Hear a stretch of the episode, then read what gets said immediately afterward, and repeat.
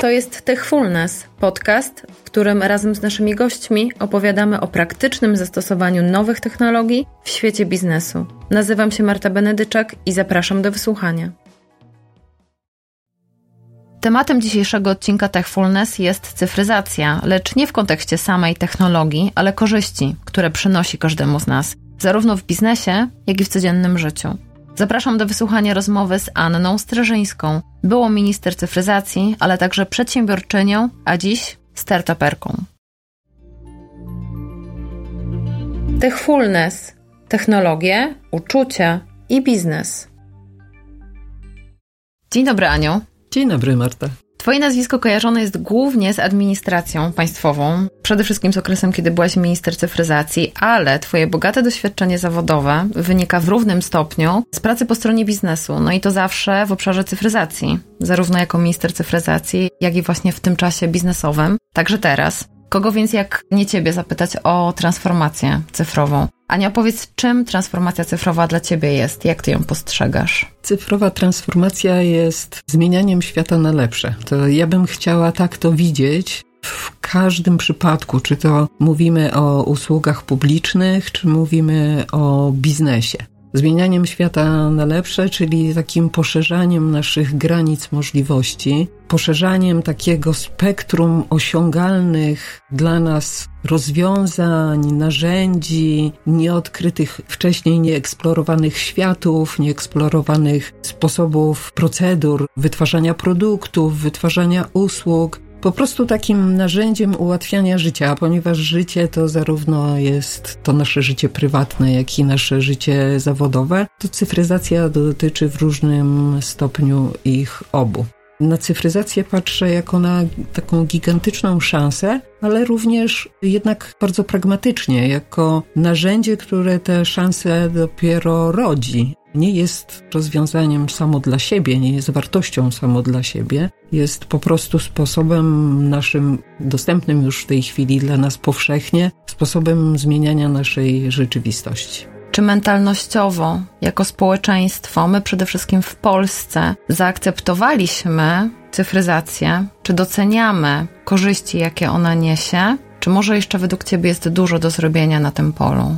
Wydaje mi się, że jak w przypadku każdego innego rozwiązania, niecyfrowego, rozwiązania zupełnie praktycznego, domowego, czy innych propozycji biznesowych niż propozycje cyfrowe, każdy z tych rozwiązań musi znaleźć swoich takich prekursorów, którzy będą pierwsi z tego korzystać, będą niejako świadkami korzyści, które z tego rozwiązania wynikają i mentalnie ta droga jest raczej podróżą niż jakimś takim sprintem, że zarządziliśmy cyfryzację i od co już jest. Sami zresztą się przekonujemy, że zarówno w administracji publicznej, ta cyfryzacja usług publicznych, trwa już dziesięciolecia, jak i w biznesie ona jest wymiarowana wyłącznie korzyściami. Nikt nie robi cyfryzacji w biznesie tylko dla samej cyfryzacji, dla frajdy i dla PR-u. To wszystko jest zawsze starannie policzone, czy na koniec to się opłaca i korzyści przewyższą koszty. I tak samo w naszym życiu. Za każdym razem oceniamy te korzyści, które dla nas z cyfryzacji wynikają, i każdy oczywiście ma je trochę inne. Inaczej patrzy na to moja mama, która poszukuje rozkładu jazdy i w zasadzie niemalże po to odpala komputer, ale bardzo dobrze zaakceptowała bankowość cyfrową. A inaczej na to patrzą ludzie z najmłodszego pokolenia, dla których to jest świat po prostu naturalny i nie wyobrażają sobie, żeby funkcjonowali gdzieś w tej rzeczywistości analogowej. Moje pokolenie jest najbardziej ciekawe, bo jest właśnie tym pokoleniem drogi, które nie tylko jest podejrzewane ustawicznie o wykluczenie cyfrowe, o 50, plus, to jest taki się. synonim wykluczenia cyfrowego, ale ja jak słyszę o tym, to trochę się śmieję, bo to właśnie to pokolenie zrobiło tę cyfrową rewolucję. I to 50 plus to bardzo często są ludzie, którzy mają większą otwartość na zmiany niż pokolenia najmłodsze. Widziałam kilka dni temu takie badania, które pokazywały, że największy problem z akceptacją cyfrowego świata i najwięcej lęków przed nim odczuwa pokolenie 18-24. Ale dlaczego? Jakie powody to badanie dla takich lęków właśnie w tej grupie podaje? Aż rozmawiałam na ten temat z moją córką, bo byłam tak zaszokowana wynikami i to nie był wynik pierwszy. To był wynik, który powtarzał się już w trzecim badaniu z kolei. Rokrocznie te badania są wykonywane i z roku na rok to pokolenie najmłodsze jest takim pokoleniem, które najczęściej potrafi powiedzieć: Cyfryzacja nam jest w ogóle do niczego niepotrzebna. I teraz zastanawiałam się, czy to wynika z tego, że właściwie ten świat cyfrowy jest tak bardzo ich, że nie bardzo są w stanie zrozumieć słowo cyfryzacja. I wydaje im się, że pytamy o coś takiego absolutnie przełomowego, czego jeszcze do tej pory nie doświadczyli, czy rzeczywiście widzą coś więcej. Moja córka twierdzi, że to, co napędza właśnie ten lęk, to te możliwości związane z sztuczną inteligencją i podobnymi rozwiązaniami, o których pełnym potencjale niewiele wiemy i możemy czuć się zagrożeni manipulacją, kradzieżą danych osobowych, wszystkimi tymi istotnymi rzeczami podnoszonymi również przez organizacje trzeciego sektora. Niesamowicie ciekawą rzecz powiedziałaś o tym, bo ja myślałam, że my w kontekście tego, co jest potrzebne w społeczeństwie, żeby ta cyfryzacja, żeby się z nią bardziej oswajać, żeby ona jeszcze lepiej była przyjmowana, akceptowana, żeby jeszcze lepiej, szybciej może postępowała, to że będziemy rozmawiały o takich tematach jak ageism właśnie, a więc tak naprawdę wykluczenie albo dyskryminacja, jeżeli chodzi o cyfryzację ze względu na wiek, o edukacji, no bo wiele się mówi o tym, że polski system edukacji rzeczywiście nie nadąża za przyspieszeniem cyfrowym, a ty się skupiasz, czy mówisz o problemie wśród tej najmłodszej grupy, która wydawałoby się absolutnie jakby nie ulega wątpliwości, że ona już dawno tam jest, że to ona tak naprawdę jest trochę też tą awangardą, że to ona właśnie, czy wśród niej są te osoby, które nadają ton, nadają rytm rozwoju cyfryzacji. Sposoby, w jaki upraszczaliśmy sobie pogląd na świat w poprzednich latach, mają się świetnie, ponieważ ich promotorem jest właśnie administracja państwowa czy administracja wspólnoty europejskiej. Tam niewiele się zmienia, jeśli chodzi o metodologię badania stopnia zaawansowania cyfryzacji. Rok do roku badamy tymi samymi metodami, a jesteśmy już kilkadziesiąt lat później. I pytanie o to, jak dużo osób ma komputery, jak dużo osób ma dostęp do internetu, to pytania, które są już przestarzałe. One już nam nie odpowiadają właściwie na żadne nasze wątpliwości i nie kreują żadnych strategicznych kierunków. W tej chwili już nie można mówić o tym, że brak akceptacji dla cyfryzacji wynika z jej nieznajomości i nieposiadania dostępu do narzędzi. Zasadniczo nie ma już takich barier po prostu. Jeżeli ktoś z tego nie korzysta, czyni to w dużym stopniu świadomie i zarówno w młodym, jak i w starszych pokoleniach zawsze gdzieś są ci tacy cyfrowi sceptycy, cyfrowi też influencerzy na odwrót, czyli tacy, którzy będą zawsze podnosili te zagrożenia i trochę też na nich kreowali swoje istnienie w przestrzeni cyfrowej. Więc musimy się liczyć z tym, że ten świat się bardzo komplikuje, że to już nie są proste podziały, tylko motywacje i powody, dla których ktoś nie akceptuje rozwiązań cyfrowych albo się ich boi, mogą być o wiele bardziej złożone. Jak wiemy, że są bardziej złożone, to też szukamy złożonych narzędzi zapobiegawczych i też jak wsłuchujemy się w te sygnały, które ludzie komunikują, to w pewnym sensie też czujemy taką temperaturę tego sporu z cyfryzacją, czyli właśnie tej negacji tego, co ludzi przeraża i czemu jesteśmy w stanie zapobiec wyłącznie narzędziami dialogu, dyskusji, projektowania rozwiązań regulacyjnych, dyskusji z rynkiem, które z tych rozwiązań nie będą z kolei hamowały tego rozwoju. Świat się tak zmienia, że w pewnym sensie zmusza nas do zaprzestania monologu i dialogu dwustronnego na rzecz otwartych dyskusji bez granic. Tak, bo tylko wtedy wiemy, o całości różnych przesłanek, kiedy rozmawiamy ze wszystkimi i kiedy pozwalamy, żeby oni też przy nas ze sobą rozmawiali i tę argumentację wymieniali. Czy zatem uznałabyś, że właśnie ten dialog, dyskusja, jak największa otwartość jest taką najlepszą receptą na to, żeby te zmiany, procesy społeczne, które pozwalają nam lepiej akceptować cyfryzację, lepiej jeszcze bardziej ją włączać w taką codzienność w każdym pokoleniu, że to właśnie jest najlepsza recepta na to, żeby te procesy następowały? Na pewno tak. No i pytanie oczywiście zawsze, czy jesteśmy do tej dyskusji przygotowani w ogóle jako ludzie, bo ta kultura dyskursu i dialogu u nas to pozostawia trochę do życzenia. Każdy raczej ma z góry wyrobione stanowisko i się zna na sprawie, a ten dialog powinien być już od szkoły wpajany, tak żebyśmy naprawdę szukali prawdy, rozwiązań,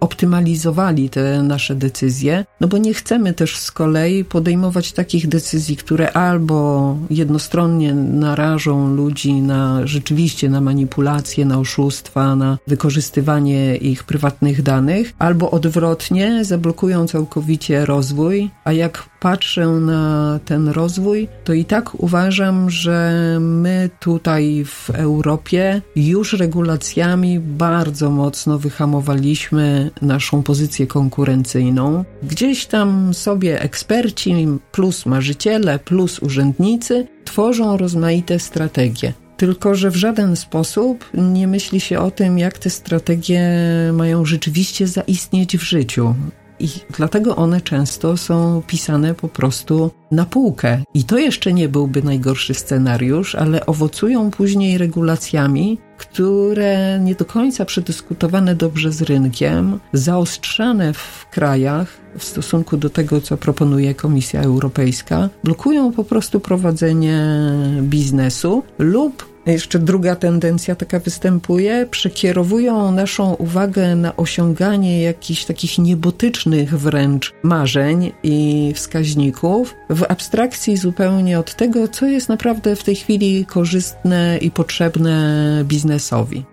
Od cyfryzacji, rozumianej jako proces zachodzącej w otaczającym nas świecie, społeczeństwie, przeszłyśmy miękko do cyfryzacji w biznesie, szczególnie w obszarze europejskim, na który nas, jesteśmy w Polsce, naj, najbardziej nas interesuje. Powiedziałaś o tym, co powinno się zadziać albo czego powinno być mniej, żeby ta cyfryzacja lepiej funkcjonowała, lepiej zachodziła w firmach, w naszym systemie, że tych regulacji, legislacji powinno być mniej, a może one powinny trochę inaczej funkcjonować urzędnicy, państwo powinni częściej prowadzić dialog z biznesem. Czy jeszcze widzisz jakieś elementy do zmiany, poprawy, coś, co powinno się zadziać, żeby rzeczywiście cyfryzacja od strony systemowej w firmach mogła postępować?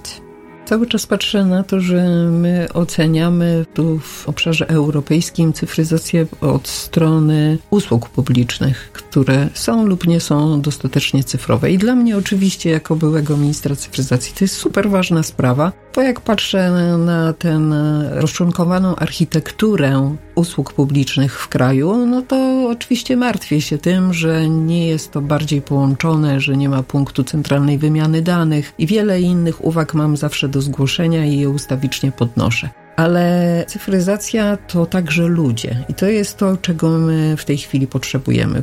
Po, po pierwsze, oprócz tego prawa i oprócz tej regulacji, potrzebujemy po prostu liderów, liderów wizjonerów a oni wtedy będą już wiedzieli, jakie prawo jest potrzebne i będą potrafili zrównoważyć te zarówno potrzeby ochronne, jak i potrzeby rozwojowe. Potrzebujemy zespołów dla tych liderów czyli ludzi, którzy w tej chwili, jak są innowacyjni, gruntownie wykształceni, wyjeżdżają robią karierę w Dolinie Krzemowej, w wielkich globalnych firmach. Znam mnóstwo takich osób, którzy może trochę zdesperowani, trochę rozczarowani, jadą szukać tego potencjału wykorzystania swoich pomysłów zupełnie gdzie indziej. Oni wtedy podejmują pracę poza krajem. My raz płaciliśmy kształcąc ich, Drugi raz płacimy, kiedy płacimy za własność intelektualną rozwiązań, które do nas wracają siłą rzeczy jako produkty czy usługi.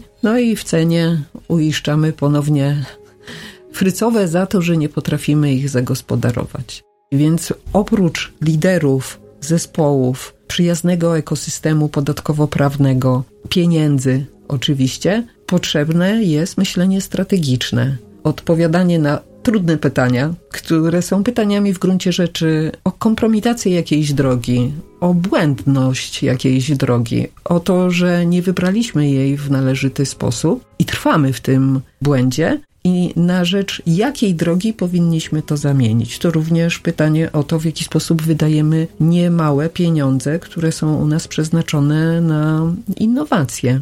Ty od przeszło sześciu lat zarządzasz firmą MC2 Innovations, która narodziła się trochę jak startup, pomimo tego, że zatrudniacie już chyba ponad 20 osób, to nadal trochę jako startup działacie. U nas w Easymensie to dostrzeganie startupów jest również bardzo silne. Bodajże w 2016 roku założyliśmy taką spółkę Venture Capital Next 47, która inwestuje właśnie w startupy, startupy przede wszystkim technologiczne. I ja osobiście twierdzę, że no dzisiejsza cyfryzacja zawdzięcza swój bardzo niesamowicie dynamiczny rozwój właśnie startupom. Jak ty to postrzegasz? Ja już nawet naszej firmy nie traktuję jako startup, bo startup to firma, która nie tylko początkuje na rynku, ale ciągle jeszcze szuka swojego modelu biznesowego. I my ten okres mamy za sobą.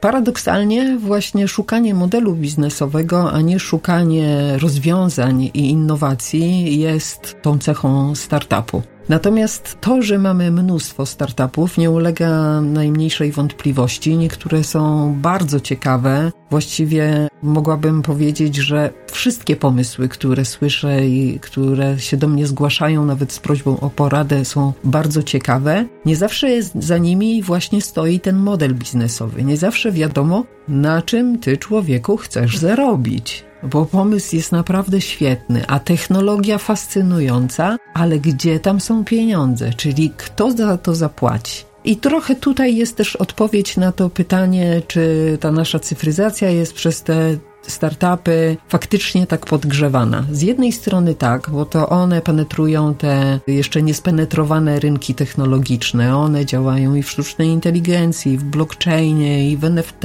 i w kwantowych komputerach i w niecyfrowych innowacjach również, właśnie takich związanych z ESG czy z innymi wątkami zielonej energii. Jest tego mnóstwo. Również w takim twardym biznesie jest mnóstwo startupów. Go znowu, one są tak jakby trochę obok. Dopóki nie zrobią czegoś, co się mocno wpisuje w strategię rozwojową firm średniej i dużej wielkości, to ich życie jest bardzo trudne. Ten rozwój jest bardzo powolny. Inwestorzy bardzo niepewni i bardzo często niezwiązani z rynkiem branżowym, tylko kapitałowym, są rozczarowaniem dla takiego startupu, bo inwestorom też się dużo wydaje. Też bardzo dobrze opanowali różne modne buzzwordy. Blockchain, no były dwa takie lata, gdzie właściwie inwestorzy to tylko się interesowali Był na ustach wszystkich, to prawda ale czy mamy z tego takie naprawdę mocne efekty, które zawojowały świat i które przewróciły biznes cyfrowy pod względem nawet tych rzeczy, które obiecywały, czyli bezpieczeństwa, pewności obrotu i tak dalej, to ciągle jesteśmy jeszcze na etapie badawczym, poszukiwania odpowiedzi na to, jak to zmonetyzować. Podobnie jest w pozostałych dziedzinach. Prawdziwe innowacje przyniosło OpenAI, prawda? A to trudno nazwać małą firmą. Na pewno jest to startup. Paradoksalnie, startup, który nie ma w ogóle problemów finansowych, jest bardzo dobrze finansowany, ale jest to startup, bo on też po serii prac badawczo-rozwojowych wyszedł na rynek z testem na model biznesowy, który zaproponował. Czyli pojawił się w naszych własnych urządzeniach, każdy z nas może z niego korzystać, ale też oferuje swój potencjał właśnie startupom do współpracy już na innych zasadach, z innymi też możliwościami dostępu do tych wartości i dużym firmom do wykorzystania przy ich dojrzałych produktach typu przeglądarki i tak dalej. Te poszukiwania, eksperyment czata GPT przez jakiś czas potrwa, ale nie jest jedyny. Już następuje mu wiele firm napięty i w tym sensie to tak, to dyktuje nam cyfryzację. No bo trudno sobie wyobrazić w tej chwili, że ktoś o nim nie słyszał, a nawet, że nie skorzystał raz czy drugi. I faktycznie to spowodowało tak wielkie upowszechnienie, porównywalne z wejściem pierwszych komputerów osobistych, pierwszego internetu. Techfulness, technologie, uczucia i biznes. Celowo Cię nie pytałam w tej rozmowie o M-Obywatela, bo wiem, że wszyscy Cię o niego pytają. Natomiast chciałabym dzięki niemu poruszyć temat, który szczerze mówiąc, nie ukrywam, że interesuje mnie jeszcze bardziej. Opowiedziałaś mi trochę początki, pewną historię, anegdotę związaną z M-Obywatelem, że tak naprawdę pomysł na aplikację M-Obywatel narodził się z Twojej niechęci do damskiej torebki, do noszenia przy sobie wielu rzeczy. A więc był praktyczny problem, narodził się pomysł, który przerodziłaś oczywiście nie w ciągu jednego, dwóch miesięcy, tylko na przestrzeni lat, ale które określiłaś technologią, przerodziłaś rzeczywiście w konkretny produkt, w konkretną innowacyjność i tak naprawdę nic więcej i tyle. Ja się z tym pozwolę nie zgodzić, bo w moim odczuciu w tym jest zdecydowanie więcej. W tym jest wizjonerstwo. Czy nie uważasz, że musimy być trochę wizjonerami, żeby cyfryzacja, żeby wdrażanie, tworzenie nowych technologii w ogóle miało szansę się powieść? Tak. I wizjonerstwo w moim przypadku jest o tyle zabawne, że ono wynika z niewiedzy. To znaczy? Bardzo Ciekawe dobrze e, jest nie mieć zbyt wielkiej wiedzy w danej dziedzinie, która blokuje przekonanie, że to się da zrobić. Być może gdybym miała regularną wiedzę informatyczną popartą studiami, to w ogóle by M-Obywatel nie powstał, bo bym uznała, że to jest niemożliwe. Kiedy miałam inny pomysł na wdrożenie u siebie bota rozmawiającego z użytkownikami produktu, mój wspólnik powiedział: Sztuczna inteligencja nie operuje językiem polskim, zna tylko angielski, zarzuć ten pomysł. No i cóż, mamy chat GPT, z którym możemy sobie prowadzić dowolnie długie i całkiem e, fajne dyskusje, bez poczucia, że on ma problem z naszym ojczystym językiem to wszystko się tak szybko zmienia, że stawianie sobie jakichkolwiek wewnętrznych granic i wątpliwości nie ma sensu, bo wtedy rzeczywiście nie ma się tego potencjału na wizjonerstwo. Ja z góry założyłam, że skoro mogę płacić telefonem, to w tym telefonie mogę mieć też wszystko, bo to jest tylko kwestia formuły i zabezpieczeń, Dokładnie z tego wynikała cała przygoda M obywatela, że dla mnie było absolutnie nie do przyjęcia, że to się nie da zrobić. I w większości swoich różnych pomysłów, z którymi czasem wychodzę i próbuję je realizować, a czasami je po prostu chowam do szuflady, bo nie znajduję niczyjego zrozumienia, zawsze tak mam, że po prostu nie dopuszczam, że się nie da. Może się nie da teraz, ale na pewno da się jutro. Dla mnie to jest taka opowieść też o odwadze. Ty sama kiedyś powiedziałaś i myślę sobie, że to jest ciekawe podsumowanie naszej rozmowy. Mam nadzieję, że się zgodzisz, że wizjonerstwo wymaga odwagi i odporności, czyli odwagi właśnie w stawianiu sobie tego celu. Nie, nie, da się. Inni mówią, że się nie da, ja wierzę, że się da, a odporności, bo być odpornym na pewne przeciwności. Jesteśmy bardzo przywiązani do swojego wizerunku i do swojego dobrego samopoczucia. Jak się z nas zaczynają śmiać i mówić, co tobie to już całkiem tam dekiel odpadł, ty to już nie wiesz, co wymyśleć. Wszystko wynika z tego, że ty się na tym nie znasz i opowiadasz takie bzdury. Każdy się boi tego. W dodatku jest publiczną osobą, czy w ogóle ma znane nazwisko, powiedzenie czegoś, co przekracza odporność innych i wystawienie się na tę śmieszność, to wymaga odwagi. Ale zachęcamy chyba, prawda? Do Bezwzględnie. Bezwzględnie. Jak nie spróbujemy, to po prostu nie pójdziemy do przodu i nie odkryjemy tych nowych światów. Więc za to to się nawet warto skompromitować do cna.